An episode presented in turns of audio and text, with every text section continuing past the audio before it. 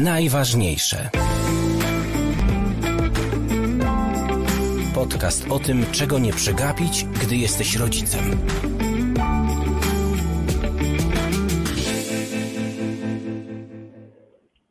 Czy mama i tata oboje są bardzo e, potrzebni dziecku, nawet jeśli jedno z rodziców jest trudne, a może to nie ma aż takiego znaczenia, może wystarczy jeden rodzic, byleby był i tutaj cudzysłów postawimy dobry. Właśnie, co to znaczy trudny rodzic, co to znaczy dobry rodzic? To pewnie osobna długa dyskusja. Dwa podejścia, dwa podejścia do tej sprawy, dlatego dzisiaj porozmawiamy o tym, jak na życie dzieci teraz i w przyszłości wpływa obecność w ich życiu obojga rodziców. Ja się nazywam Mikołaj Fox, to jest podcast Najważniejsze. Spotykamy się live w każdy czwartek. Następnego dnia możecie posłuchać naszego mm, podcastu na Spotify i innych platformach podcastowych. E, bardzo zapraszam do subskrypcji. To jest e, ten podcast jest częścią mojej projcowskiej działalności. E, zapraszam też do śledzenia tego, co jeszcze robię, między innymi warsztatów, które prowadzę dla ojców i nie tylko. Możecie znaleźć więcej informacji w opisie do odcinka. A dzisiaj gośćmi tego spotkania są Joanna Bylinka-Stoch, psycholożka, dyrektor w polskiej części, jeśli tak mogę powiedzieć, Newfeld Institute, czy, czy po prostu Newfeld Institute Poland. Dobry wieczór, Joanno. Witam serdecznie Mikołaju, witam wszystkich. I jest też Aleksander Drzewiecki, założyciel parentin.pl e, i przewodniczący Rady Fundacji Dajemy Dzieciom Siłę. Mm, dobry, dobry wieczór. Dobry wieczór. Dobry wieczór. E, słuchajcie, dzięki bardzo, że zgodziliście się na spotkanie dzisiaj, e, w ten wieczór. Dwa są takie, dwa są takie podejścia, o których, o których powiedziałem, prawda? Trochę takie, można powiedzieć, skrajne. Niektórzy mówią, koniecznie dwoje rodziców bez względu na to, co się dzieje, inni mówią, nie, no tylko jeden dobry.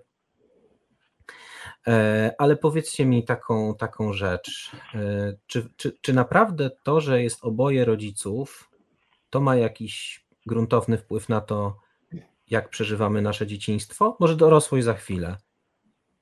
Czy, czy Wiecie, to jest to może trochę Pierwsze, co mi w ogóle przyszło do głowy i po prostu będę bardzo tutaj autentyczna i otwarta. Jak zacząłeś to mówić Mikołaju, to przyszły mi do głowy takie sceny, w których to dziecko jest jeszcze takie bardzo małe, albo w którym, kiedy jest w wieku nastoletnim, bo wtedy jest taki drugi wybuch super emocji i po prostu jedno nie daje rady już, już po prostu wyczerpały się wszystkie możliwe baterie słuchania tego, co ono tam... Czy jeden rodzic, jeden rodzic jeden nie daje rodzic, rady. Tak? Dokładnie tak. I w tym tak, momencie tak. po prostu przejmij, przejmij, proszę przejmij.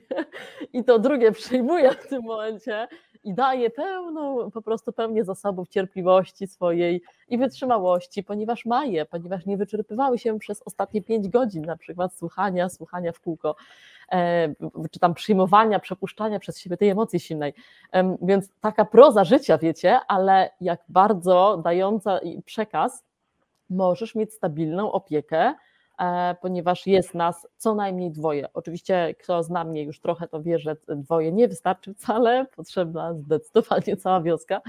E, no ale tak, dwoje znacznie lepiej. Mhm. Alki, jak, jak to postrzegasz ten temat? No tutaj powiedziałaś Joanno o takim przykładzie małego dziecka e, i takiej sytuacji, kiedy trzeba sobie nawzajem, nawzajem pomóc. Natomiast ja bym jeszcze spojrzał z punktu widzenia no, tego, czym jest w ogóle rodzicielstwo, przynajmniej tak jak ja je rozumiem, czyli taką głęboką relacją dwojga ludzi. I zacząłbym od tego, że, mm, że jak rozmawiam z, z dziećmi i pytam ich, jak tam ich relacje z rodzicami, to oni na takim poziomie, powiedział, ogólnym, to odpowiadają tam dobre, takie, owakie. Natomiast jak zaczynamy rozmawiać dalej, no to oni mówią o relacji z mamą i relacji z tatą nie relacji z rodzicami, bo to nie jest relacja osoby z, z grupą, tylko to, co się dzieje, to jest relacja e, z, z, z jedną osobą, którą jest mama i z drugą osobą, która jest tata. I w tym kontekście myślę, że po prostu, gdy brakuje któregoś z tych rodziców, no to mm, dziecko wie, że pochodzi od jednego i drugiego i, i wie, że ma obojga, E, w związku z tym, e, jeżeli z jakichś powodów tego jednego rodzica nie ma, no to pojawia się jakieś, jakiegoś rodzaju pustka w tym miejscu, w którym ten rodzic powinien być. No i z tej pustki może się zrodzić jakaś rana, jakaś rana, która, e, która no to, to już różnie może się później potoczyć, prawda? Czy ona będzie długo, czy ona pozostaje na całe życie. To już wszystko zależy od innych okoliczności. Niemniej jednak na pewno takie dziecko się z tą pustką potrzebuje zmierzyć. Mhm. No dobrze, słuchajcie, to, to okej, okay, to znaczy, że to jest, to jest w ogóle ważne. E, I teraz można byłoby pewnie porozmawiać, co, co konkretnie ta rana może, może wywołać.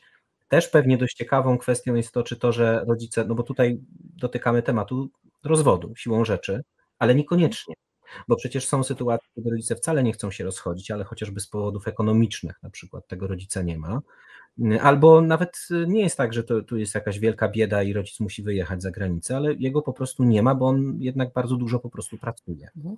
Więc, więc jest, jest tu y, co najmniej kilka wątków, y, jak z tym sobie poradzić w różnych sytuacjach życiowych, bo różne też przychodzą.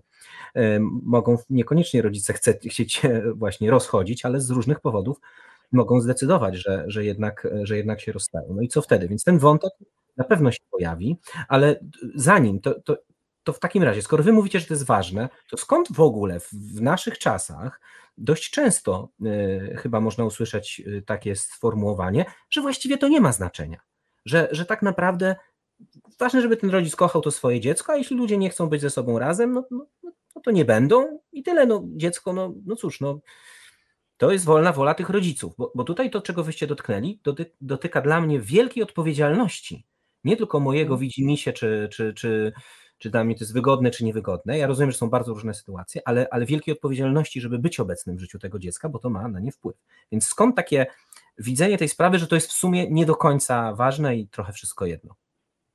Pytanie. Ja, to, ja, to ja jeszcze tak tylko pociągnę ten wątek obecności, o którym mówisz, bo my mówimy o obecności, czy, ale jakiej, prawda? Jak, jaka to jest właśnie. obecność? Właśnie, jaka to jest obecność? Czyli nieobecność, jaka nieobecność, tak? Czy to oznacza, że tego drugiego rodzica w ogóle nie ma, czy on tam jakoś się pojawia? Bo jeżeli mówimy o tej obecności, to przecież nie mówimy o tym, że mieszkają gdzieś tam razem w jednym domu i czasami zdarza się, że, że razem jedzą posiłki i robią różne aktywności, tylko mówimy o tym, czy ten ojciec, ta matka są obecni w rozumieniu obecnej uważności, byciu w świecie tego dziecka, rozumieniu świata tego dziecka, wspieraniu, empatii, czy, czy też współodczuwaniu i dawania przestrzeni na to, żeby to dziecko mogło odczuwać i mogło być autentycznym sobą. Czyli no nie mówimy tak, żeby tylko po prostu być, tylko być w rozumieniu tego, co odczuwa dziecko pod kątem obecności. Czy ono czuje, że jest kochane przez osoby, które samo kocha.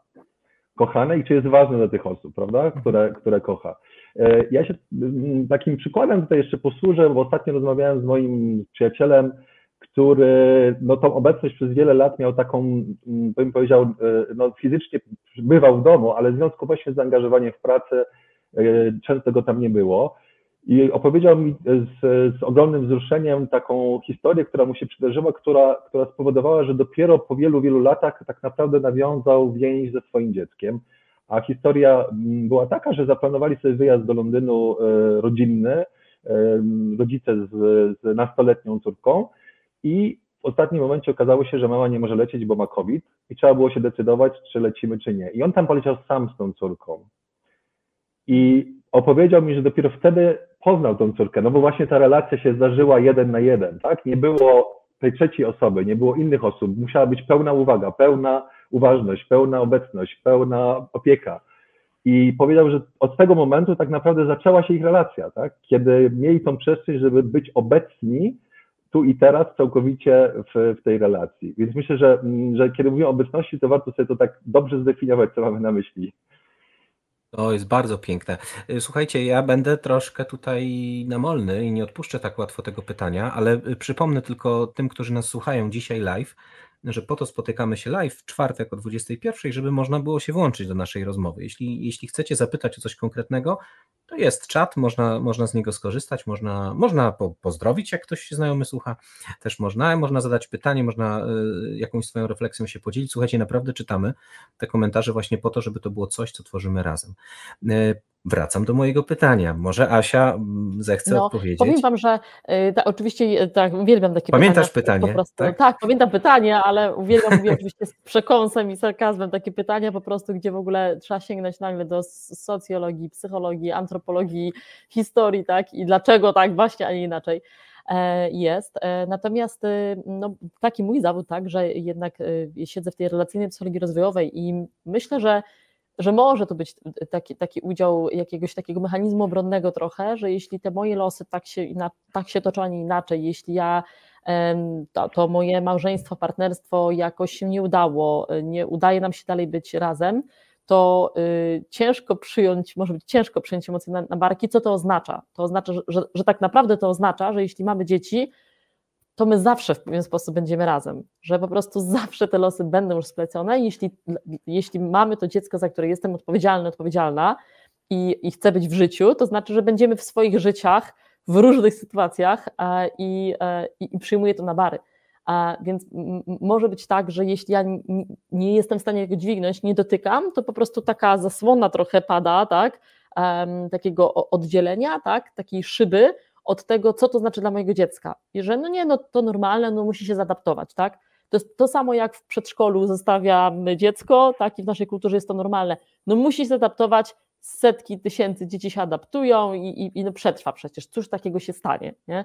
A gdzie wiemy, że dzieje się bardzo źle, bardzo dużo i absolutnie nie jest to dla niego dobre. Czy inny przykład ze starszymi dziećmi, kiedy jest zjawisko nękania w szkole i tak samo, no, no dzieci sobie dokuczały, do, zawsze dokuczały, dokuczają, będą dokuczały, no cóż takiego e, prawda, gdy, gdy jest to olbrzymia tragedia często dla dzieci i wymagają natychmiastowej pomocy, zmiany sytuacji, nie one osobiście, tylko z zewnątrz właśnie zareagowania rodziców. Tak, także myślę, że jest to jakiś obronny taki mechanizm. Tak, myślę, nasz. że to jest mechanizm obronny. Mhm. Tak. Y, no dobrze, dobrze. Y, pozostała część teamu Instytutu Newfelda pozdrawia, y, więc, więc dobrze, słuchacie nas. Kto jeszcze chce pozdrawiać, niech pozdrawia.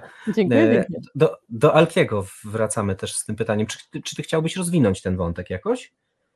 E, to znaczy ja, ja, myślę, że to, co powiedziała Joanna, to, to, to, to jest przekonanie, ale to rzeczywiście myślę, że też tak jest w życiu. Znaczy, my doświadczamy jako ludzie różnych sytuacji trudnych, tak? I sytuacji może być na przykład no, bardzo wielu dorosłych w tej chwili. My też jesteśmy z takich rodzin, których, e, których często nie było jednego rodzica, często były to rodziny z jakimiś wyzwaniami, które, których myśmy jako dzieci doświadczali. Znaczy, niech podniesie rękę ten, który y, nie przypomina sobie ze swojego dzieciństwa takich sytuacji. Więc y, czy tegoż przedszkola chociażby, tak, które też mogą traumatyzować. Więc to oczywiście, że my sobie jakoś, jakoś możemy poradzić, co długo nie znaczy, że to się nie odbija na naszym y, życiu jako dzieci i później jako osoby dorosłe. I wiesz, tutaj nie wiem, czy to już jest ten moment, ale jak zacząłeś mówić o kwestiach, kiedy to się dzieje, kiedy rodzice się rozstają, tak? I jak właśnie wtedy to może oddziaływać na dziecko, no to dzisiaj e, mamy już w Fundacji Dajemy Dzieciom Siłę takie badania prowadzone na temat opieki naprzemiennej, bo, bo już jest ponad 25 lat tego, e, tego modelu w Europie Zachodniej, e, gdzie opieka naprzemienna jest rozumiana jako taki model, w którym co najmniej 35%, bo w niektórych krajach to jest co najmniej 50%, ale co najmniej 35% jakiś rodzic jest spędza czasu z dzieckiem, każdy z rodziców, no i dzisiaj już wiadomo, że kiedy rodzice się rozstają, to e, jest ogromna korelacja pomiędzy tym, czy właśnie występuje ta opieka naprzemienna, czyli ten dostęp do obojga rodziców, a tym, jak dziecko się rozwija, tak? Jakie ma relacje rówieśnicze, jak jest pozostaje w zdrowiu psychicznym, jakie ma oceny, no w ogóle jak funkcjonuje jak, w społeczeństwie, tak? Czy dzisiaj wiemy, że nawet ten gorszy sposób sprawowania rodzicielstwa, bo ktoś może sobie mniej radzi z tych dwóch rodziców, e, jednak jest lepszym dla dziecka niż, e, niż brak więzi z, z jednym rodzicem. I tam oczywiście są pewne warunki istotne, które muszą być spełnione, na przykład takie, że ten rodzic e, no nie jest jakoś tam ciężko chory, że, że nie może tej opieki sprawować, albo że jest uzależniony, albo że, że, że, że, że, że ma jakieś tam krzywdzenie wokół tego dziecka, tak, nastąpiło, czy też to ważne, żeby to dziecko było w wieku co najmniej 5-7 lat, żeby ono już miało wykształconą taką zdolność do podtrzymywania więzi z każdym z rodziców pomimo braku bieżącej obecności. I takiego już mniejsze znaczenie też ma też ten jego pokoik, jego miejsce, w którym spędza, ważniejsza ta relacja.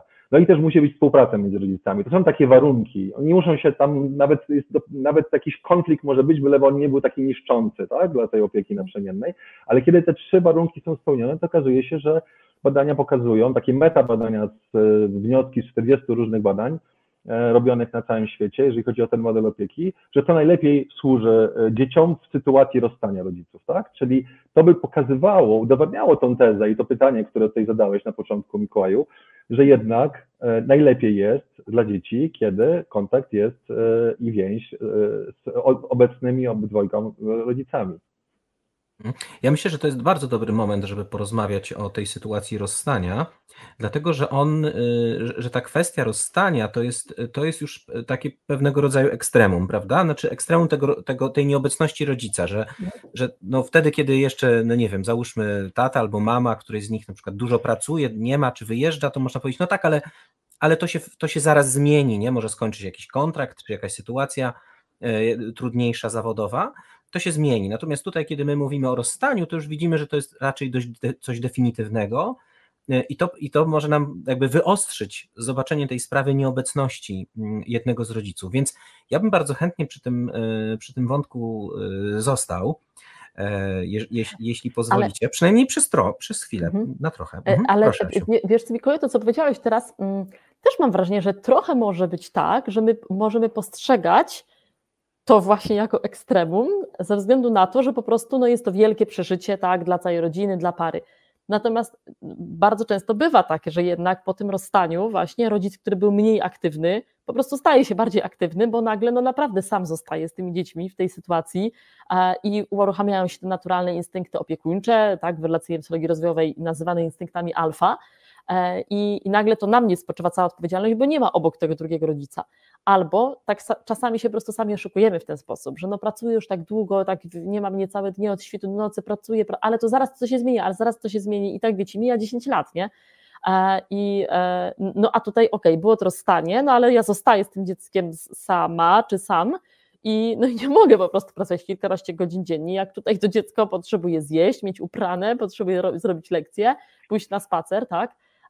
Także y, czymś in, czym innym jest postrzeganie tej sytuacji w kontekście świata dorosłych z tej perspektywy, i nam się wydaje wtedy, że rozstanie z ekstremum, a czym innym jest postrzeganie danej, danej sytuacji z perspektywy dziecka. Czy jego potrzeby są zaspokojone, więzi, czy nie.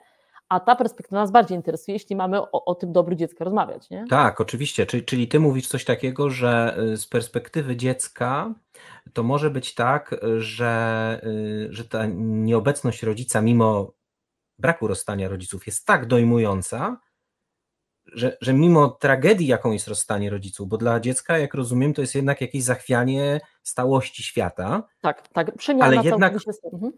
Ale tej tragedii mhm. on może od, odzyskać jednego z rodziców. Tak? To jest coś takiego, tak, i bywa, znaczy, że ma obo, oboje. Mhm. Tak, dokładnie bywają takie historie e, mm, i takie scenariusze. E, natomiast ja tu też bardzo, bardzo chciałam dodać e, taki element, który też jest charakterystyczny w relacyjnej psychologii rozwojowej, czyli to hasło mostowania, rytuału mostowania, to znaczy dbania o to i teraz bez względu na to, czy jest rodzina pełna, czy jest po rozstaniu, rodzice mieszkają osobno z różnych powodów, to, to każdy z nich ma taką możliwość, aby wzmacniać tę więź z drugim rodzicem poprzez swoje działania, swoje zachowania, swoje reakcje y, czy, czy, czy mm, decyzje tak, w relacji z dzieckiem.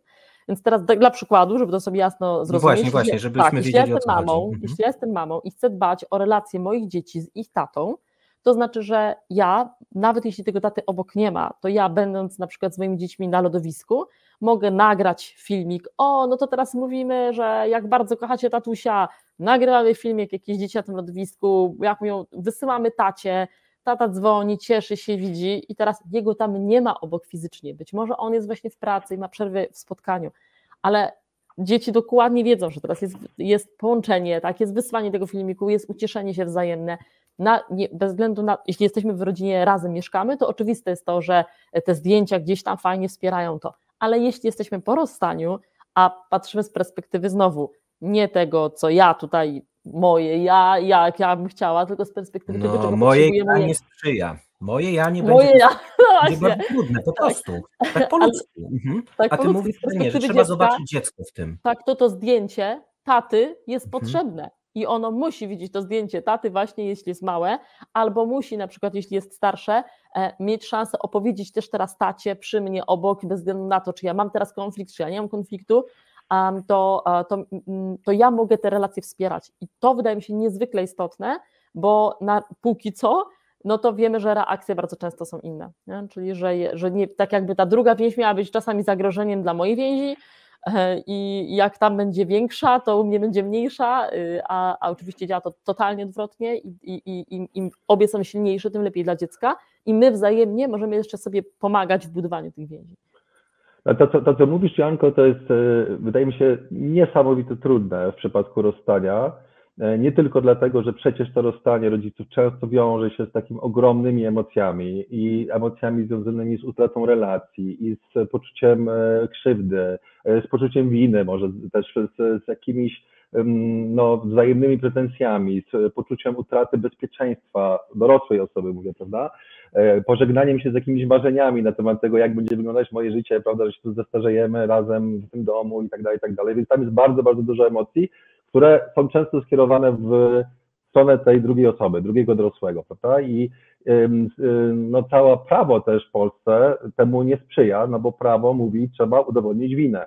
W związku z tym to, co się dzieje w sądach, no to jest skierowanie się, też prawnicy w tym współpracują bardzo mocno w stronę tego, żeby no, jak, albo jak naj, najlepiej zasądzić tą drugą osobę, czy wskazując jej winę, albo jak najlepiej się obronić przed tym, przed tą sytuacją, a to oznacza napędzanie się tego konfliktu. Jakże dużą dojrzałością się muszą wykazać tutaj rodzice, którzy się rozstają albo są w trakcie rozwodu i e, są w tym procesie prawnym i tym procesie obwiniania się nawzajem, a równocześnie myśląc o tym, że no to jest moje, tak? To jest o mnie, to jest o nas, o naszej relacji, a dla tego dziecka jednak wciąż najważniejsze jest, żeby on miał niezachwianą więź, czy to pomostowaną, czy poprzez możliwość bezpośredniego spotkania z tym, z tym drugim rodzicem, prawda? To oddzielenie tych dwóch warstw, nie? Tego, jak ja funkcjonuję tej sytuacji rozstawania się z tą drugą osobą, od tego, jak, jak dziecko funkcjonuje w tej samej sytuacji. To jest nie, niezwykle trudne, to co, o, o czym opowiadasz. No, taka mm -hmm. wyższa szkoła jazdy, bym powiedział, na poziomie zarządzania własnymi emocjami. Słuchajcie, czyli my tutaj dotykamy tak, takiej sprawy y, rozwodu czy rozstania, E, gdzie jest e, konflikt między rodzicami i on się staje pierwszoplanowy, a zupełnie na drugim planie znajduje się dziecko, gdzie tymczasem to są ludzie dorośli, którzy powinni wziąć odpowiedzialność za dziecko i przyszłość i, i dorosłość, przyszła dorosłość tego dziecka powinna być wzięta pod uwagę, bo ci dorośli oczywiście też przeżywają jakieś trudne chwile, ale to nie będzie miało to rozstanie prawdopodobnie tak ogromnego wpływu na ich życie późniejsze, niż na y, jaki, ten wpływ, jaki już teraz ma na obecne i przyszłe życie tego dziecka. Tak, tak to rozumiem, że tak jest. Y, to, to, to czy zawsze tak jest? I tu jest w podtekście trochę pytanie o to, jak jest za granicą, bo wiem, że Alki coś o tym opowie. E, to znaczy, wiesz co, ja, ja, ja mogę pociągnąć ten wątek tych, e, tej opieki naprzemiennej, bo, bo to jest taki model, który jest w Polsce jeszcze ciągle bardzo rzadki. E, z wielu powodów. E, naturalnie w takich sytuacjach, no jednak e, najczęściej matka, czyli jeden z rodziców, ale to trzeba powiedzieć wprost, najczęściej mama mm, ma taką główną, wiodącą rolę opiekuna. Mm, no i to tak się odbywa. Natomiast w Polsce też, też są takie badania, tragicznie zmarła teraz w lipcu Marysia Rejman, prowadziła pierwsze w Polsce na temat opieki naprzemiennej antropologiczne badania i spotykała się z tymi dziećmi, z tymi rodzicami, że zobaczy, jak to funkcjonuje.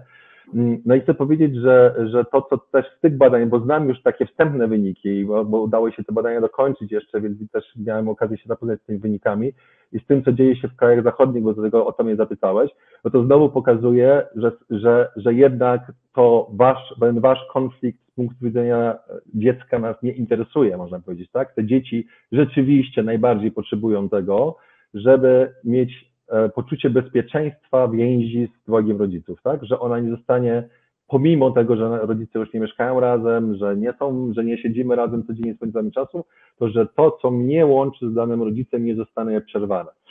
I e, w Skandynawii, bo w Skandynawii jest takim, można powiedzieć, przodującym, te kraje skandynawskie są takimi przodującymi krajami, jeżeli chodzi o ten, o ten model opieki, no już jest w tej chwili tak, na przykład w Norwegii, że nawet jeśli rodzice się dogadają inaczej, tak, to załóżmy, że, że w jakimś tam procesie dochodzą do porozumienia, jak ta opieka będzie wyglądać i że, ten, że te dzieci będą spędzać większość czasu u mamy, a tata co drugi tydzień będzie brał je na weekend, bo tak się dogadali, a sąd nie widzi przeciwwskazań, takich przeciwwskazań, o których mówiłem, to znaczy, że tam nie ma jakiegoś takiego bardzo gorącego konfliktu między rodzicami, że to dziecko jest starsze niż, niż 6-7 lat, i że nie ma przeciwwskazań pod kątem niezdolności do sprawowania opieki, takiej istotnej niezdolności. O czym mówiłeś, to... choroba, uzależnienie. Tak, tak, tak, tak, tak. To sąd zasądza inaczej niż, niż się rodzice wnioskują. To znaczy sąd za, za, zasądza opiekę naprzemienną i mówi, no dobra, wy się rozstajecie, ale wyście się zdecydowali rozstać, a wcześniej zdecydowaliście się mieć związek, zdecydowaliście mieć dzieci i waszą odpowiedzialnością jest zapewnić e, więź tym dzieciom z obojgiem rodziców, równoważną więź. Nie? I to już pokazuje, jak bardzo właśnie to jest dbałością o, o dobro dziecka po prostu. To ja bym Alki jeszcze ciebie tutaj dopytał troszkę, jeśli pozwolisz. Zresztą to też myślę, że nie wiem, czy to wybrzmiało, czy nie wybrzmiało, ale, ale warto powiedzieć, że te badania, o których wspomniałeś, Marysi, były bardzo ważne i, i, i rzeczywiście to ważna postać i, i bardzo nieodżałowana, e, i którą dotknęła tragiczna, tragiczna śmierć. Można zresztą sobie odszukać te badania, niedawno były publikowane gdzieś tam w sieci, e, już, już chyba są dostępne, tak mi się wydaje. A to nawet nie wiedziałem. Natomiast, mm. E, widziałem link, ktoś mi przesyłał. E, natomiast e, jeszcze, jeśli pozwolisz, no, no bo to jest tak, najczęściej chodzi o nas facetów, o nas ojców, przynajmniej w tej, polskiej rzeczywistości. Dlaczego? Dlatego, że z, z jednej strony, no, no my się ciągle uczymy i, i, i może tak jest, że, że z automatu nam jest trochę łatwiej porzucić dzieci, ale nie zawsze tak jest, bo, bo wielu mężczyzn dzisiaj, coraz wielu, coraz więcej staje się czy chce być świadomymi ojcami, walczy o obecność w życiu swoich dzieci. Natomiast y, jak niesie wieść y, na wielu portalach i w wielu rozmowach, y, sądy tu w jakimś sensie, no zaryzykuję powiedzenia tego słowa, ale faworyzują matki, nawet jeśli te matki często nie są zdolne albo są dużo mniej zaangażowane w życie swoich dzieci niż ojcowie. No i ci ojcowie wypadają z życia dzieci. Więc y, wypadają z dwóch powodów. Albo dlatego, że, że po prostu sami jakoś tam odchodzą, y, albo może są po prostu zapracowani. W każdym razie z ich decyzją, czy ich y, następstwem ich działania jest nieobecność w życiu dziecka. Albo jest tak, że z, powodów właśnie prawnych, czy blokowania dostępu do dziecka przy tych kwestiach rozwodowych, rozejścia rodziców, oni są nieobecni w życiu dzieci. I teraz moje bardzo konkretne pytanie do Ciebie jest takie, no i co z tego wynika? Nie ma ojca w życiu dziecka. No i co? Nakarmiony jest, ma w czym chodzić, bo jest mama. Może nawet jest dwoje rodziców. Asia mówiła o czymś takim, że no tam jest potrzebna dwoje rodziców, więc cudzysłów, dwoje rodziców, bo jest nie mama i babcia na przykład, albo, albo w ogóle mama i oboje dziadkowie, ale nie ma ojca. I mhm. co wtedy? E, wiesz co, ja, ja musiałem się jeszcze cofnąć do tego jednej myśli, którą powiedziałeś, że ci rodzice mogą wypadać dlatego, że nie dlatego, że się rozstają, ojcowie, przepraszam, ojcowie mogą wypadać nie dlatego, że się rozstają, tylko dlatego, że, że ojciec decyduje się mm, realizować w innym obszarze niż e, rodzicielstwo czy ojcostwo w jego przypadku. Ja myślę sobie, że my mamy do czynienia z jakimś takim szalenie e, krzywdzącym w sumie e, mitem, przekonaniem, stereotypem dotyczącym tego, co mm, co jest sensem naszego życia albo co nam daje poczucie szczęścia e, w kontekście kobiet i mężczyzn. To znaczy, że, że jakby zewnątrz, zewsząd spotykam się wśród moich przyjaciół z takim przekonaniem, no, że sukces taki życiowy, czy szczęście życiowe mężczyzna osiąga wtedy, kiedy no właśnie osiąga sukces zawodowy, prawda? I ten zawodowy sukces zmierzony albo jakimś prestiżem, stanowiskiem, bo jest wiem, profesorem, albo jest jakimś tam bardzo rozpoznawalną osobą, albo materialnie, a najlepiej jedno i drugie. Prawda? I wtedy można powiedzieć, że, że jakoś nam wmówiono, bo myślę, że to jest kwestia bardziej kulturowa niż, niż rzeczywiście tego, jak się czujemy. Wmówiono nam, że jeżeli to zrobimy, to będziemy w życiu szczęśliwi. E, natomiast jeżeli chodzi o kobiety, to on w sposób naturalny jest e, właśnie związany z rodziną, tak? z, z macierzyństwem, z byciem z dzieckiem i, i często kobiety ten swój sukces życiowy i to poczucie szczęścia mierzą tym, jak bardzo mają udane dzieci, tak? To znaczy, jak bardzo mają udane swoje macierzyństwo, ale potem też te dzieci. To może też prowadzić do jakichś tam rozczarowań wynikających z tego, że sobie knują jakieś swoje wyobrażenie, jakie te dzieci będą, jak później one są trochę inne, bo mają swoje życie, to, to też to może się spotkać z jakimiś e, poczuciem zawodu, winy, braku wdzięczności, różnymi tam stanami emocjonalnymi. Ale chcę powiedzieć, że to się często stąd zaczyna. I teraz co się dzieje z tymi ojcami, którzy których ja spotykam, e, którzy są w takim etapie, kiedy te dzieci wychodzą z domu. I oni gdzieś są na tym etapie, że już właśnie zrealizowali się zawodowo, jakoś tam, tak? I można powiedzieć, że osiągnęli sukces mierzony takimi, takimi, taką oceną społeczną. I oni często opowiadają o tym, jak bardzo nie pamiętają i nie znają swoich dzieci, jak bardzo żałują tego, że, że tego, tej szansy, bo ja tak uważam, że ojcostwo, rodzicielstwo w ogóle jest ogromną szansą, ogromnym darem na zbudowanie takiej pięknej, głębokiej, opartej na bezwarunkowej miłości więzi i relacji z drugim człowiekiem, że oni tej szansy nie wykorzystali, tego daru, tak, że on gdzieś tam przepadł. I kiedy i sami dostrzegają to, że to nie wynikało z tego, że, że on, oni nie, nie byli w stanie tego robić, tylko właśnie wynikało z tego, że wpadli w jakiś taki paradygmat, stereotyp tego, co, co w życiu jest ważne, a co niekoniecznie było ich, jak się okazuje po latach.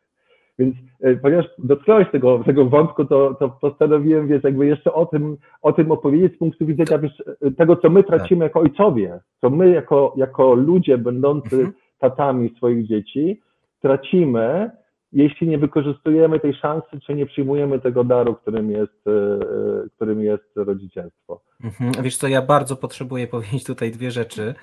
E, ale postaram się króciutko, bo bardziej jestem gospodarzem niż, niż gościem te, tego podcastu, ale jednak, jednak bardzo myślę, że to jest coś, co, co gdzieś tam mnie porusza, żeby to o tym powiedzieć. Po pierwsze, że wielu ojców, z którymi ja pracuję mm, w czasie warsztatów, mówi, że rodzicielstwo dla nich to jest y, po prostu wielka, wielki jakiś proces rozwojowy, wielka szkoła y, człowieczeństwa i, i że oni w żadnej, nawet najwspanialszej firmie świata, nie mogliby przejść tak niesamowitych zmian, które są trudne, bolesne, rozczarowujące, ale ostatecznie prowadzą coś tak, czegoś takiego pięknego, że tylko rodzicielstwo, to jest jedna rzecz. A druga rzecz to jest taka, że, że również w czasie warsztatów pracujemy nad tym, rozmawiamy sobie, jak nie przegapić rodzicielstwa, jak nie przegapić dzieciństwa swoich dzieci z jednej strony, ale też i rodzicielstwa, jakby tych, tych dwóch aspektach, żeby nie przegapić czegoś, co jest ważne w moim życiu, ale też żeby, mm, żeby nie przegapić takiego bardzo wyjątkowego czasu, który jest w życiu dzieci. I no i w sumie trochę o tym jest ten podcast. Najważniejsze, czego nie przegapić, gdy jesteś rodzicem. No i teraz wracam do ciebie z tym pytaniem o to, co, co się stanie, jeżeli tego ojca zabraknie. Bo co ojcom się stanie, to jest osobny w ogóle ciekawy temat, ale co dzieciom się dzieje? Wiesz co, no, y, no, to miałem taką przyjemność y, rozmawiać o, mm, o tym, z czym trafiają dorastające dzieci i nastolatkowie do gabinetu psychoterapeuty z psychoterapeutką Grażyną Wywczyńską, która jest szefową takiego dużego warszawskiego ośrodka psychoterapii.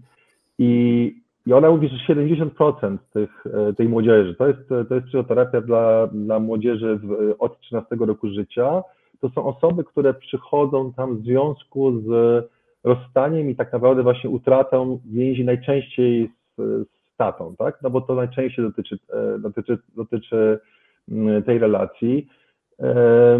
Twarde dane, takie no bardzo smutne dane też pokazują, że mm, prawie ponad 70%, prawie 3 czwarte wszystkich samookaleczeń czy prób samobójczych dzisiaj dzieje się ze strony e, młodych, młodych dorastających kobiet i dziewczynek, e, a, a tylko ta jedna czwarta to jest po stronie, po stronie chłopaków.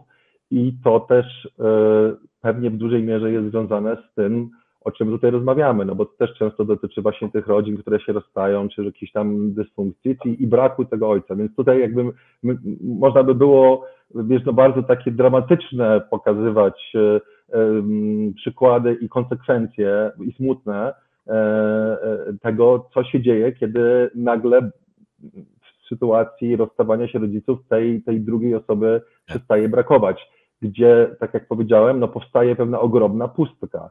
Pustka związana z tym, że ja nagle odczuwam, że przestaje być ważny dla osoby, którą kocham, przestaje mieć z tej strony miłość, akceptację, by, bycie w, w, moim życiu, w moim przeżywaniu emocji i to po prostu jest rana, która się później przejawia tymi i tymi autodestrukcyjnymi, może tymi się przejawiać takimi autodestrukcyjnymi zachowaniami również.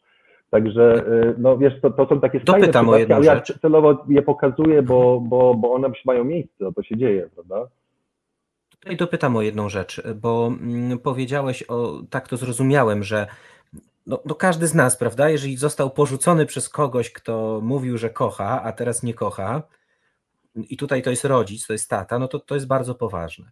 Ale domyślam się, że to może być trochę podobnie, jeśli mama porzuci, prawda? No to tu tata porzucił, mama porzuciła, ale do tego, co, jak jest z mamami, to, to może jeszcze wrócimy, może Asia tutaj też coś jeszcze dopowie, ale czy jest coś takiego wyjątkowego, bo ja pamiętam, że kiedyś czytałem takie, takie badania, ale to było naprawdę dawno i nie, nie jestem w stanie nie jestem w stanie zagwarantować, co, co, to, co to był za, za opracowanie za materiał, e, o tym, że mm, brak obecności e, ojca w życiu dziecka, czy, czy, czy może inaczej, obecność ojca w życiu dziecka ma ogromny wpływ na zaradność i na, na taką samodzielność.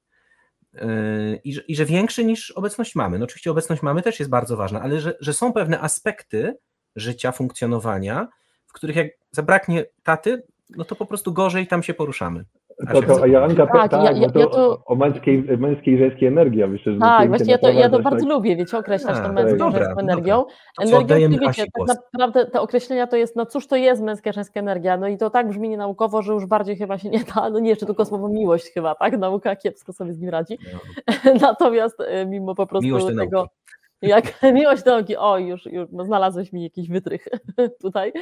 E, no, natomiast, e, natomiast lubię się tylko odwoływać, dlatego że jednak z, z biegiem lat też w, i w, z pracy tak, mojej jako, jako terapeutka, e, to no jest już dla mnie oczywiste, że to niekoniecznie chodzi zawsze o tę płeć konkretną, że to kobieta, no to tylko kobieca energia, mężczyzna tylko męska energia, że to może być różnie, to się wzajemnie przenika, ale jednocześnie faktycznie jest tak, że mężczyzna ma większe predyspozycje do męskiej energii i z czasem w toku rozwoju się rozwija u niego zdolność do przyjmowania też żeńskiej energii i między innymi pojawienie dziecka z całą delikatnością, tak, jest właśnie tym elementem. Ale to, to, to w ogóle jest ta męska i żeńska energia? Znaczy o czym my mówimy?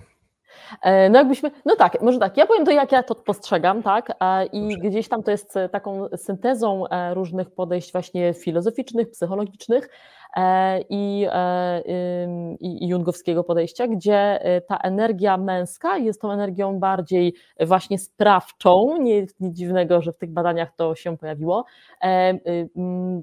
taką przełamującą pewne granice, E, podejmowanie ryzyka, tak? E, więcej odwagi w działaniu, e, wytrwałości, takiej zawziętości czasem, ale rozumianej również bardzo pozytywnie, tak? że ja teraz postaram coś sobie wyćwiczyć.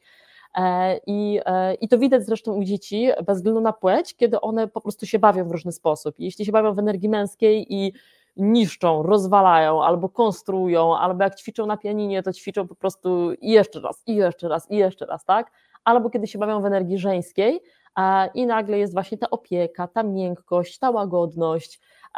W, zresztą rola opiekuna w tej męskiej energii to jest właśnie ochronić, tak? I e, stworzyć mury e, i, i w razie czego zrobić wszystko, żeby było bezpieczne. E, natomiast w energii, opiekę w energii żeńskiej to już bardziej pielęgnować na co dzień. Bardzo ciekawe, słuchajcie, bo w antropologii kulturowej zrobiono takie badania, w których sprawdzano poziom wyżywienia dzieci i w jakim stopniu za to wyżywienie w tych kulturach uznawanych za mniej cywilizowane odpowiadają mężczyźni i kobiety. I teraz tak, kobiety na co dzień tam pielenie, zbierały tak, te korzonki i karmiły te dzieci, e, natomiast e, mężczyźni raz na jakiś czas na wielkie polowanie. I okazało się, słuchajcie, że gdyby miały te dzieci tylko na tym wielkim polowaniu, e, tak, to po prostu nie przeżyły to znaczy to wykarmienie głównie odpowiadały kobiety. Natomiast w całej wiosce zawsze jest gloryfikowany i wielkie halo jest na to, że tam upolowali wreszcie, tak? I, e, i to jest gdzieś tam tak, tak bardzo, taki, bardzo mnie rozbawiło to, ale trochę to oddaje też, w jaki sposób my dzisiaj to postrzegamy, że jakieś te wielkie osiągnięcia, żeby to było takie huczne i to tak przykuwa uwagę, I tak naprawdę czasem faktycznie jest wielkie i wspaniałe, no i wspaniale, że upolowali i faktycznie cała wioska zjada, prawda? Jest to coś wyjątkowego, nietuzinkowego.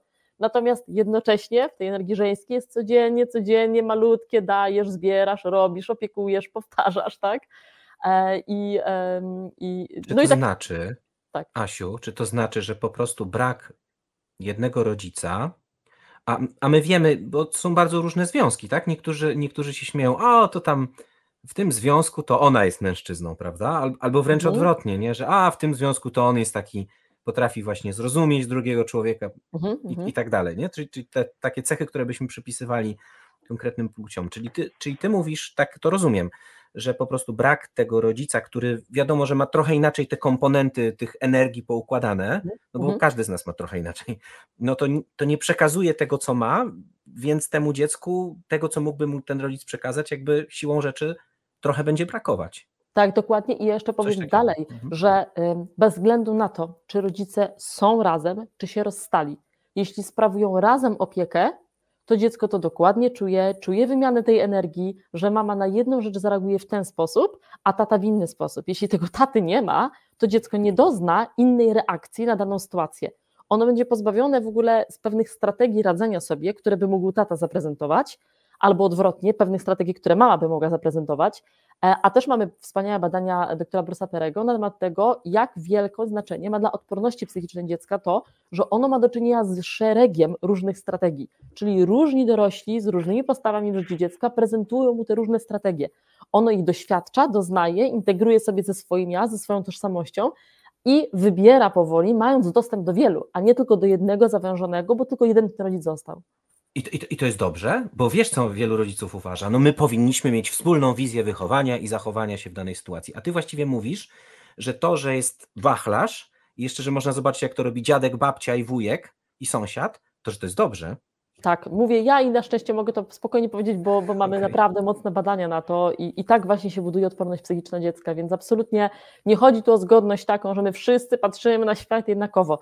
Chodzi o taką zgodność, która, um, która oznacza to, że jesteśmy w stanie uznawać te swoje różne punkty widzenia, to nie powoduje konfliktów, tak? Możemy sobie spokojnie wszystkie na stół wyrzucić, tak?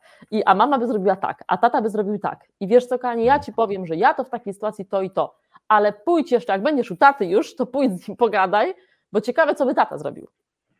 Ach, pięknie to powiedziałaś. Ciekawe, co by zrobił. Nie, bez takiego krytykowania, że on źle, tylko co by on zrobił? Ciekawe, co on powie. Świetnie. Alkiemu oddamy głos. E, chcesz coś pewnie dopowiedzieć, a ja jeszcze chcę Ciebie też dopytać. E, wiesz co, no bo chcę wrócić do tego Twojego pytania, na które Pani nie odpowiedziałem. Co, co się staje, kiedy, kiedy tego taty nie ma w kontekście tej energii, tak, o której mówiła. Janka, bo Janko to mówi, że to nie jest też takie naukowe, prawda, jeśli chodzi o tą energię, natomiast z drugiej strony i nie możemy wprost powiedzieć, że każdy mężczyzna to będzie miał tą dominującą męską w różnych sytuacjach, w różnym stopniu i tak dalej. Niemniej jednak mm, testy psychometryczne MBTI, MyRB Test, które między innymi odnoszą się do tych takich cech, które przy, można powiedzieć, że no, przypisujemy im męskość, tak, czyli sprawczość, rywalizację, właśnie kreację, tak, duże rzeczy versus te żeńskie, to tam się okazuje, że na te 16 typów osobowości, które w tych wymiarach są, są zdefiniowane, jednak te typy, um, które są które bardziej męskie, są częściej reprezentowane przez mężczyzn, tak? Zdecydowanie. Niektóre z nich w takiej proporcji 70 na 30, co by oznaczało Mikołaju, że rzeczywiście mogą być takie rodziny, że, że ta kobieta tam jest w tej energii męskiej bardziej, a mężczyzna, mężczyzna nie. Natomiast, e, natomiast e, jednak dominująco najczęściej te typy tak. męskie są rzeczywiście e, charakterystyczne dla mężczyzn.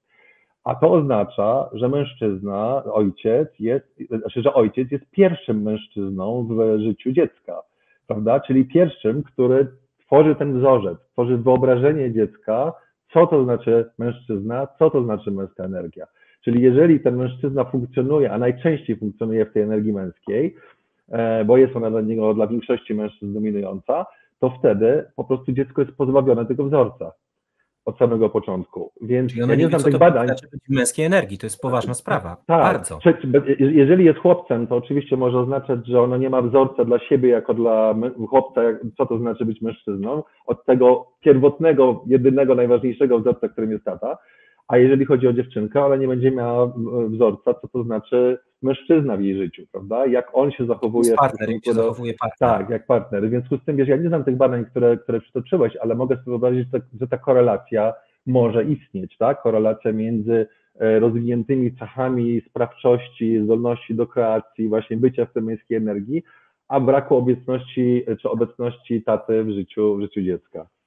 Ja słuchajcie, muszę tu dopowiedzieć tylko, że o krok dalej idąc, e, Alki, to co mówisz, to e, i tutaj też mamy szereg badań wskazujących nam to, że to też może się tak potoczyć, że w efekcie dziecko próbuje jakkolwiek tę energię męską wprowadzić. I niestety, ale zjawisko, w którym chłopcy pozostają pod opieką mamy i e, taty brakuje, wchodzą natychmiast w parentyfikację i zaczynają w energii męskiej, tak jak potrafią, kompletnie nie będąc na to przygotowanym, starać się opiekować mamą.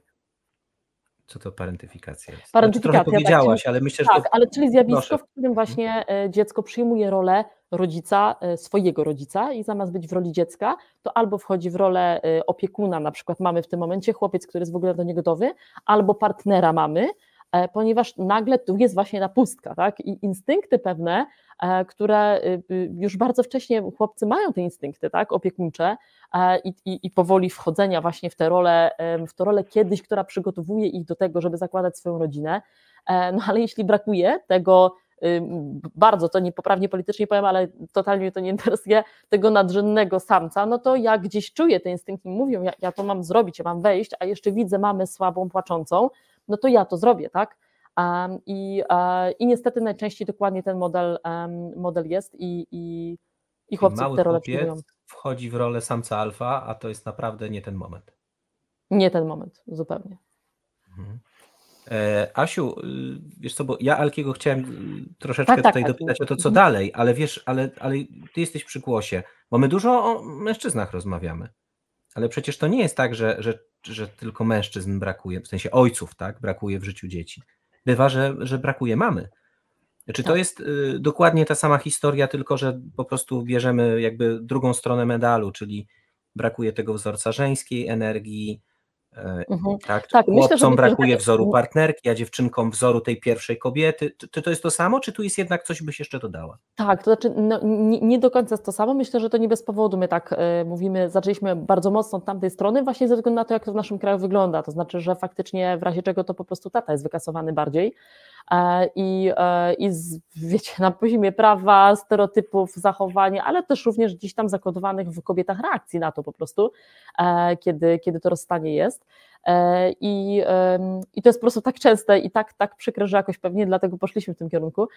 Natomiast oczywiście, że tak bywa i znowu kultura tutaj jest coraz mniej wspierająca, dlatego że no, te, to, co mówiłeś na początku, Alki, że jednak to spełnienie kobiety w tym macierzyństwie i to jeszcze, to jeszcze jakiś czas temu to jeszcze był taki przekaz. No już dzisiaj wiemy, że niestety nie. No, kobieta powinna być spełniona na każdym polu, żeby być spełniona i ona powinna mieć tę karierę, powinna mieć to super wykształcenie, e, powinna mieć to fajne, bogate życie kulturalne i, i, e, i przygody i podróże i jednocześnie świetne, udane dzieci. E, I oczywiście, jeśli. jeśli A to się da wszystko naraz? Oczywiście się nie da. Jeśli kobieta się wkręci w to, to po prostu efekt jest taki, że cierpi najsłabsze.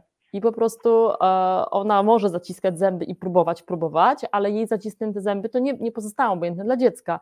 I ta obecność może fizycznie jest, ale emocjonalnie no, po prostu jest mniej dostępna, bo jej głowa jest zajęta szeregiem innych rzeczy.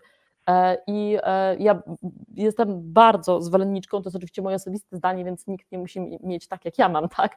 Natomiast ja bardzo jestem zwolenniczką takiego długo, długofalowego patrzenia na rodzicielstwo i dalekiej perspektywy w ogóle w naszym życiu przyjmowania i to, że ja wykasowuję się jakoś sama z życia zawodowego na jakiś czas, bo moje dziecko się urodziło, to naprawdę nie oznacza, że ja za pięć lat nie mogę się w tym życiu zawodowym super zacząć rozwijać. E, a, a trochę taki zaczął być przekaz, tak, że y, jak najszybciej tutaj super rozwinięte Montessori, żłobki e, i, i ekstra rozwinięte przedszkola, żeby jak najszybciej po prostu, jak tylko ono tam siądzie, to żeby już zostało gdzieś oddane pod opiekę, żebym ja mogła wrócić, wrócić po prostu na rynek, do życia. No, krótkowzroczne dla mnie to jest, tak? W tym, w tym długofalowym spojrzeniu to jednak e, ten czas szybko leci, naprawdę szybko leci. E, I e, już nie mówiąc o tym właśnie, i to też badania pięknie pokazują, jak nieprawdopodobny rozwój e, nawet w obszarze, wiecie, istoty szarej, kory przedczołowej jest doświadczany przez kobiety w momencie, kiedy ona jest w pełni oddana macierzyństwu, tak? i naprawdę nie wiem, czy którakolwiek praca w jakiejś firmie, czy prowadząc swoją firmę jest w stanie w taki sposób rozwinąć właśnie dojrzałość emocjonalną, psychologiczną, odporność, wytrwałość. Także, także tak, to się trochę zmieniło i jest taki przekaz dla kobiet i w efekcie wiele kobiet jest w tej chwili niedostępnych emocjonalnie, zasobowo, tak, w pełni dla swoich dzieci. E, I dla mnie to jest o tyle krzywdzące, że to nie jest tak, że większość z tych kobiet, a dobra, no to ja tak ja sobie będę i tak spróbuję sobie wszystko pogodzić, spróbuję tak się zatyrać, nie? E, tylko nam jakoś wymówiono po prostu w tych, w tych czasopismach w tych wszystkich, w tej, w tej pop psychologii, że tak powinno być, że to jest dobre i że właśnie to będzie przynosiło to spełnienie i, i, i szczęście, nie? Um, okay. i teraz. Jest ładne. Aha, mhm. Proszę.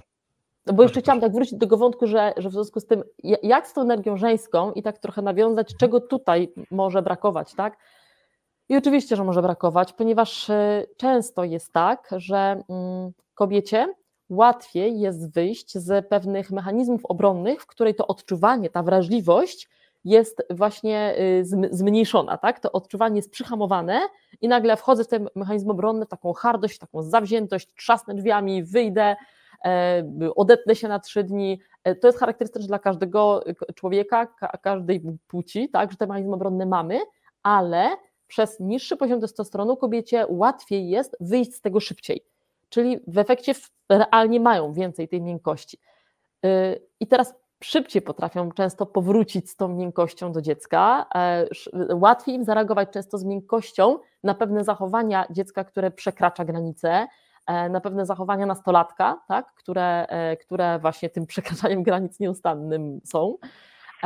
I, e, I, dla mnie to jest też takim, tak, taką piękną odsłoną energii kobiecej, czyli dostęp do odczuwania tego, co się ze mną dzieje, takiej świadomości pogłębionej, wrażliwości. My jesteśmy biologicznie predysponowane do tego, bo wiecie, zmienność i co miesiąc cykl, co miesiąc poddanie się temu, że nie masz wpływu że może byś chciała poszaleć, a nie poszalejesz, tylko poleżysz e, i koniec, i będziesz miękka i wrażliwa i delikatna teraz, więc biologicznie mamy wsparcie tego, żeby częściej w tej miękkości być w tym odpuszczeniu. I, no ale choć oczywiście znowu też cały przemysł farmakologiczny tutaj robi dużo, żeby że tej miękkości pozbawić kobiety, tak, i ten naturalny cykl trochę zaburzać. Tak, więc, więc du, dużo tu jest, co może być utracone w momencie, kiedy, e, kiedy tej, tej energii żeńskiej e, brakuje. Mhm. mhm. E, bardzo to było ładne, co powiedziałaś o tym, że, że mamy po prostu w swoim życiu no, nomen, nomen, okresy, prawda, w których coś się dzieje i że ten okres się kiedyś tam kończy, czyli że nie te dwa lata, trzy lata rodzicielstwa, czy, czy pięć lat małych dzieci, potem to się zmienia, to nie jest koniec świata, nie trzeba wszystkiego mieć tu i teraz, to jest piękne też mówieniu o, o, o, widzeniu daleko i właśnie o, tym, o to widzenie daleko chciałbym teraz Was zapytać, a jeszcze chciałbym o kilka rzeczy, więc, więc może, żeby też tutaj bardzo nie wchodzić w ten temat, ale jednak go zasygnalizować, bo my ciągle mówimy o dzieciach małych, czy, czy też może w okresie dzieciństwa, w tym sensie małych, czyli e, prawda, co, coś, co się z nimi dzieje, kiedy one są dziećmi, ale tak jak tutaj wszyscy jesteśmy w tym naszym wirtualnym studiu, każdy z nas jest dzieckiem, jesteśmy już tylko dużymi dziećmi, e, czyimiś dziećmi. E, I, no i właśnie, mamy nasze dorosłe życie, i my, i, i nasi znajomi, których, których mamy, których obserwujemy, nasi partnerzy życiowi, też mają swoje różne trudności, swoje jakieś deficyty, i one mogą też się jakoś brać z braku obecności e, rodziców, albo nasze siły. Dajemy dzieciom siłę, będąc w ich życiu i dając to, co jest nas piękne. Y, jak ta obecność obojga rodziców albo, albo właśnie brak tej obecności wpływają na to dorosłe życie? Czym to skutkuje? Co, co, co się dzieje z tymi dorosłymi już dziećmi? Y, wiesz co, ja widziałem taki, takiego, ja może zacznę od takiego mema, który widziałem z, z okazji Dnia Matki gdzieś w internecie.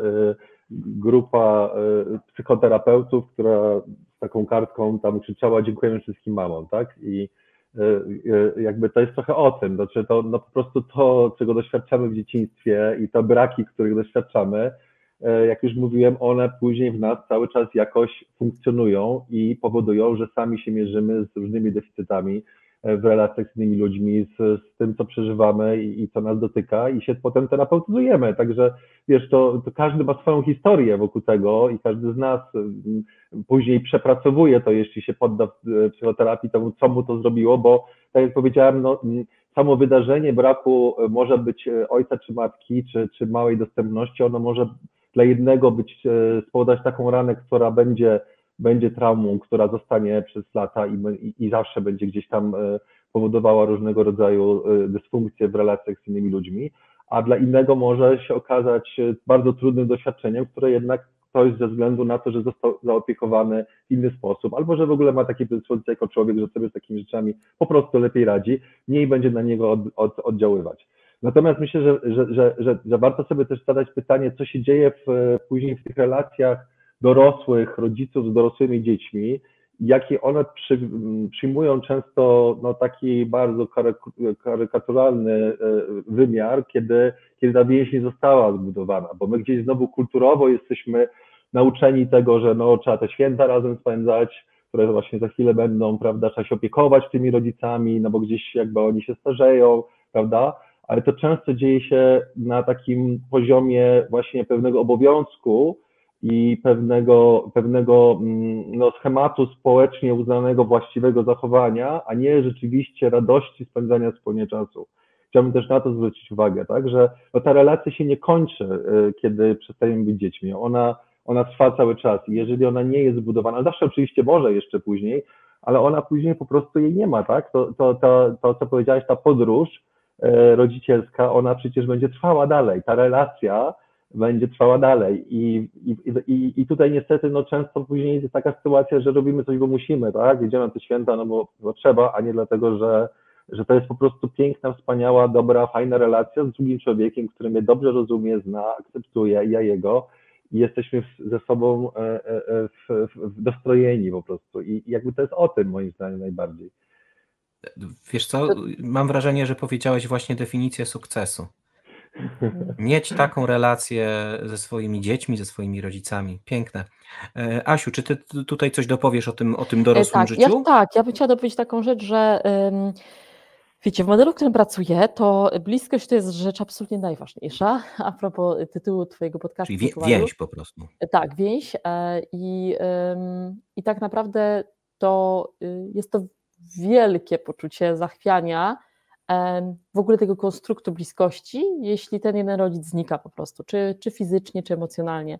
E, I tak naprawdę, jeśli tylko to jest możliwe, to, to warto dążyć, żeby absolutnie tak się nie stało, bo to wymaga olbrzymiej pracy później, żeby odbudować sobie to poczucie, tę wiarę, zaufanie w to, że ta bliskość jest możliwa w różnych trudnych sytuacjach. To znaczy, dziecko, będąc dzieckiem, nabiera przekonanie i później jako dorosły tym przekonaniem żyje, że aha, to jest normalne, że pewne sytuacje no po prostu kasują bliskość i tyle. Podczas gdy nasz potencjał, jako istoty w ogóle mhm. bliskości więzi jest taki, że ta więź jest możliwa pomimo wszystko. Choćby nie wiem co, to ta, ta bliskość, potęga tej więzi może być silniejsza niż wszystko. E, I, e, I to jest coś, co wtedy dziecko traci, a, a, a, ma okazję, nawet właśnie w trudnych sytuacjach, kiedy tata wyjeżdża na rok albo rozstają się te rodzice, to jest dokładnie momenty, w których my jeszcze możemy to dokładnie wzmacniać, rozwój um, te, tego potencjału do bliskości. Słuchajcie, ja mam dwa bardzo ważne pytania. Y, I, i w związku z tym pytanie do, pierwsze do, do Asi, a drugie będzie do Alkiego. Pierwsze pytanie jest takie, Asiu, bo ty mówisz, że pomimo różnych trudów można.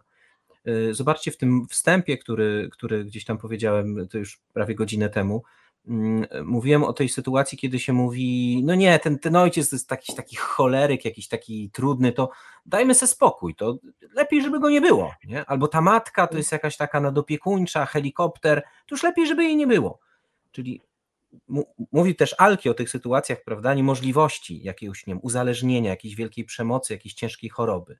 Rozumiem, że jest gdzieś sytuacja taka, kiedy no może w takim wielkim żalu można powiedzieć, no to trudno, to już nie ma tego kontaktu z ojcem, bo by, nie wiem, ciągle bił to dziecko, ale, no ale wiecie, jest, my jesteśmy nieidealni, po prostu. Mhm. I, I jesteśmy niedoskonałymi rodzicami i niech się zgłosi rodzic, który nigdy nie zrobił czegoś, czego się wstydzi względem swojego dziecka.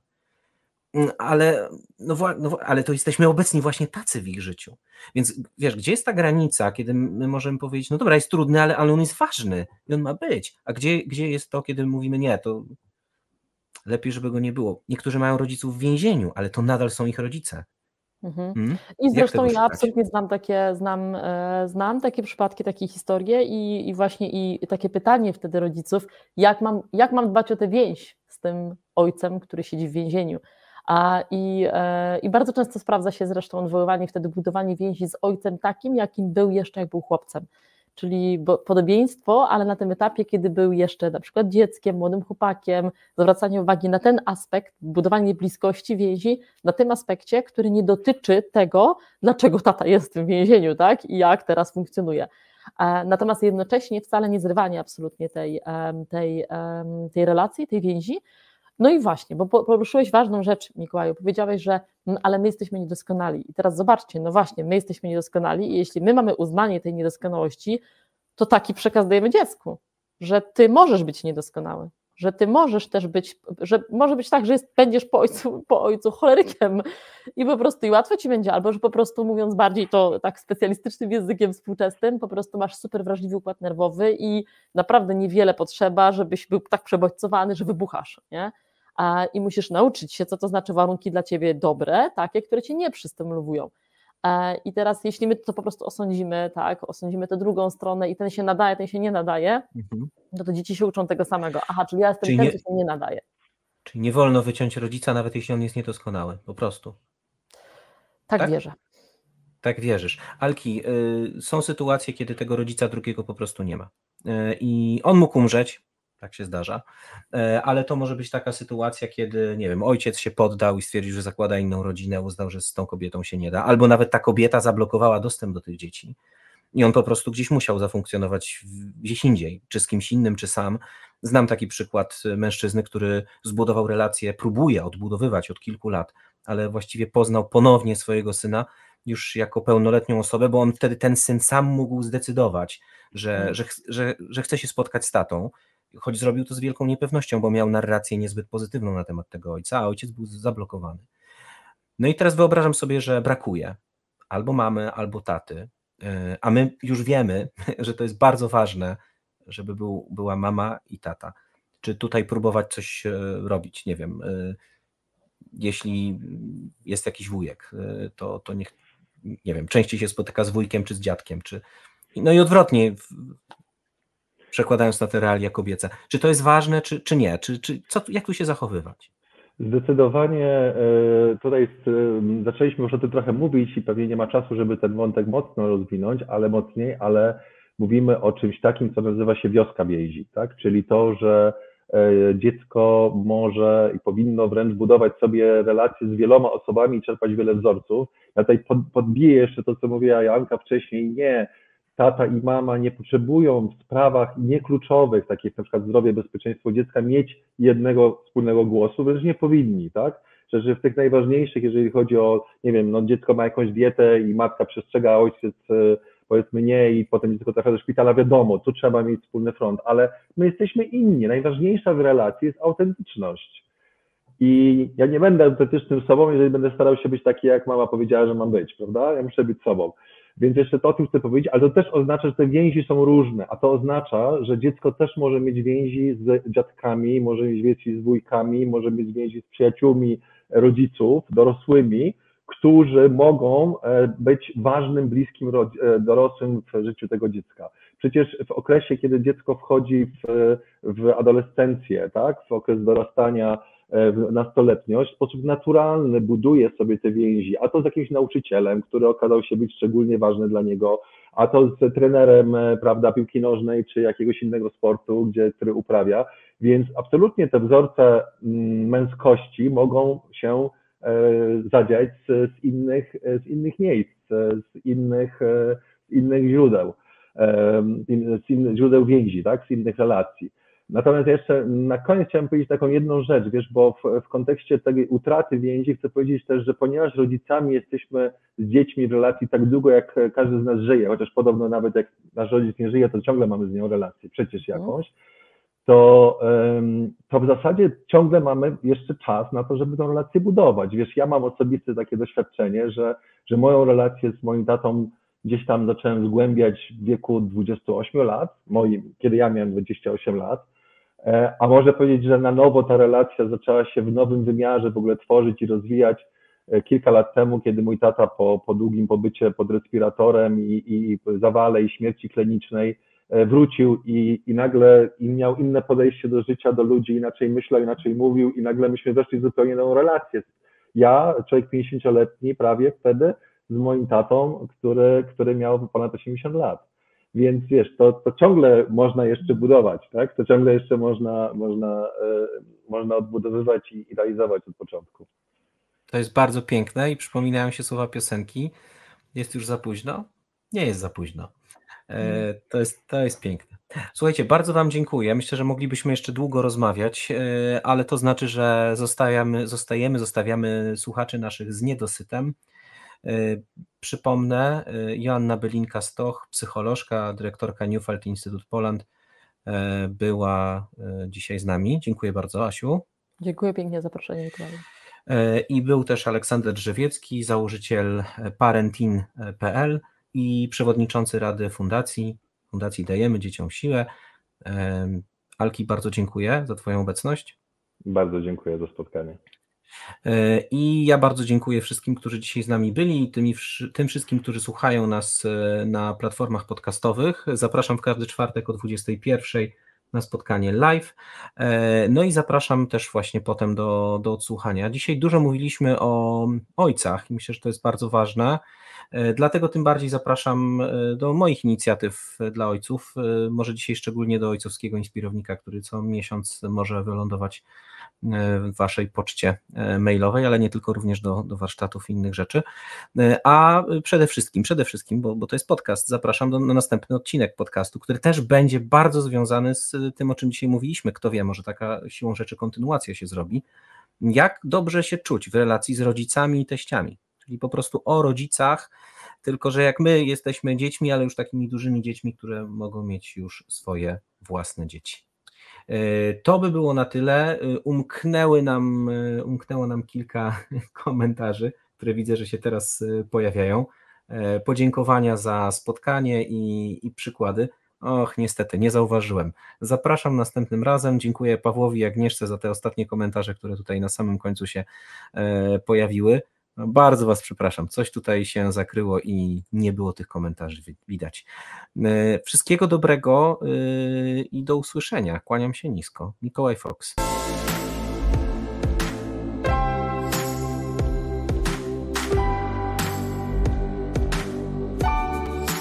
Najważniejsze.